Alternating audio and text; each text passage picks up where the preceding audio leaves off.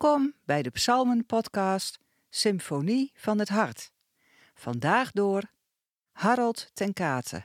Vandaag lezen wij Psalm 127, een pelgrimslied van Salomo.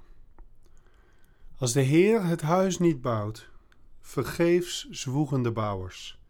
Als de Heer de stad niet bewaakt, vergeefs doet de wachter zijn ronde. Vergeefs is het dat je vroeg opstaat, je laat te rusten legt, je aftopt voor wat brood. Hij geeft het zijn lieveling in de slaap. Kinderen zijn een geschenk van de Heer. De vrucht van de schoot is een beloning van God. Als pijlen in de hand van een schutter, zo zijn kinderen verwekt in je jeugd. Gelukkig de man wiens koker is gevuld met pijlen zoals zij.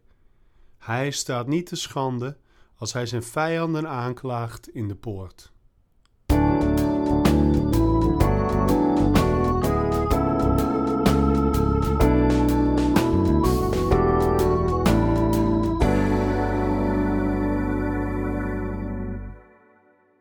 Is het Gods humor dat ik juist nu ik overspannen thuis zit iets mag zeggen over deze psalm? Een knipoog misschien? Wie weet. Psalm 127 wordt toegeschreven aan Salomo, die in Jeruzalem het huis van de Heer bouwde, de tempel. Salomo's naam is ook verbonden aan het Bijbelboek Kohelet, prediker. Die heeft het leven onder de zon uitvoerig onderzocht en geproefd, op zoek naar waarheid, zin en betekenis.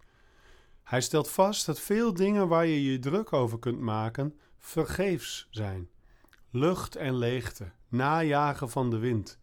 Wij zouden zeggen: zinloos, zonde van je tijd.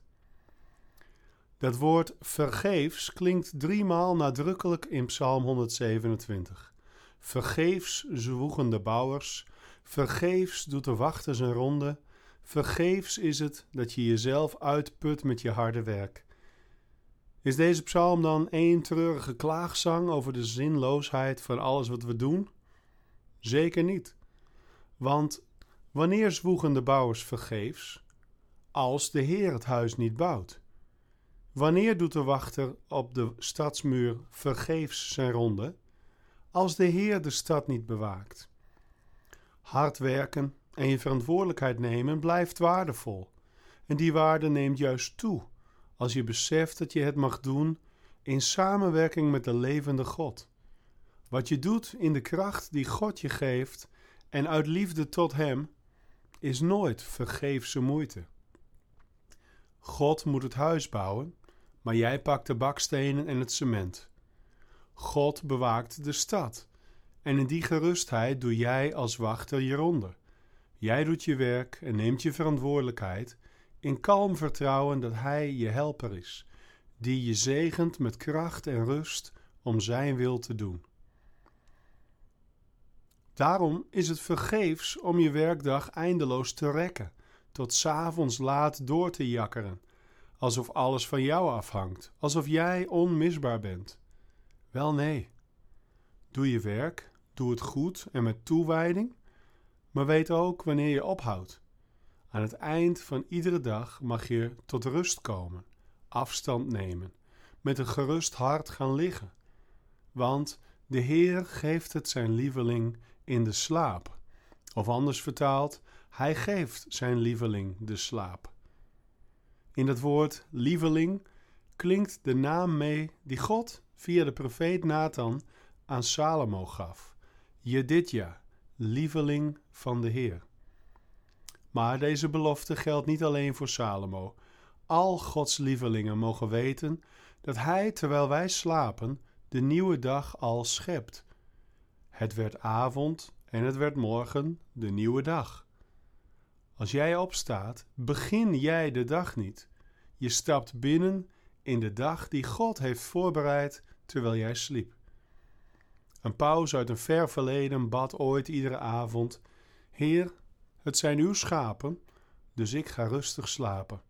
Terwijl jij slaapt, bereidt God de nieuwe dag al voor.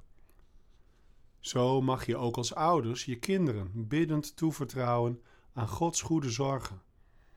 Kinderen zijn een zegen van God die Hij je heeft toevertrouwd. En dat voelt misschien wel eens intimiderend. Kan ik dat wel? Doe ik het wel goed? Is het ooit goed genoeg?